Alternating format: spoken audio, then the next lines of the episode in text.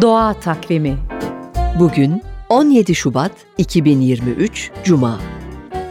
NTV Radyo iyi günler diler. Bugün Dünya Kediler Günü.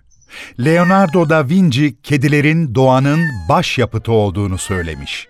Turgut Uyarsa keşke bir şiir okumuş, bir kedi sevmiş olsaydınız. Belki bu kadar kirletmezdiniz dünyayı demiş. Edip Cansever şöyle yazmış. Bir kedi ayaklarıma sürtünerekten geçerdi. Ki benim yaşamımda her zaman bir kedi bulunur, onu ben bir imza gibi yazılarıma koyarım.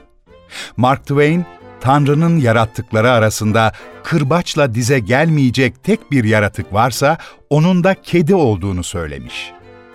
Kedilere benzeyebilseydik keşke diyen Bilge Karasu'yu ne kitapsız ne kedisiz ve Göçmüş Kediler Bahçesi kitaplarını anmayı da unutmayalım. Doğa Takvimi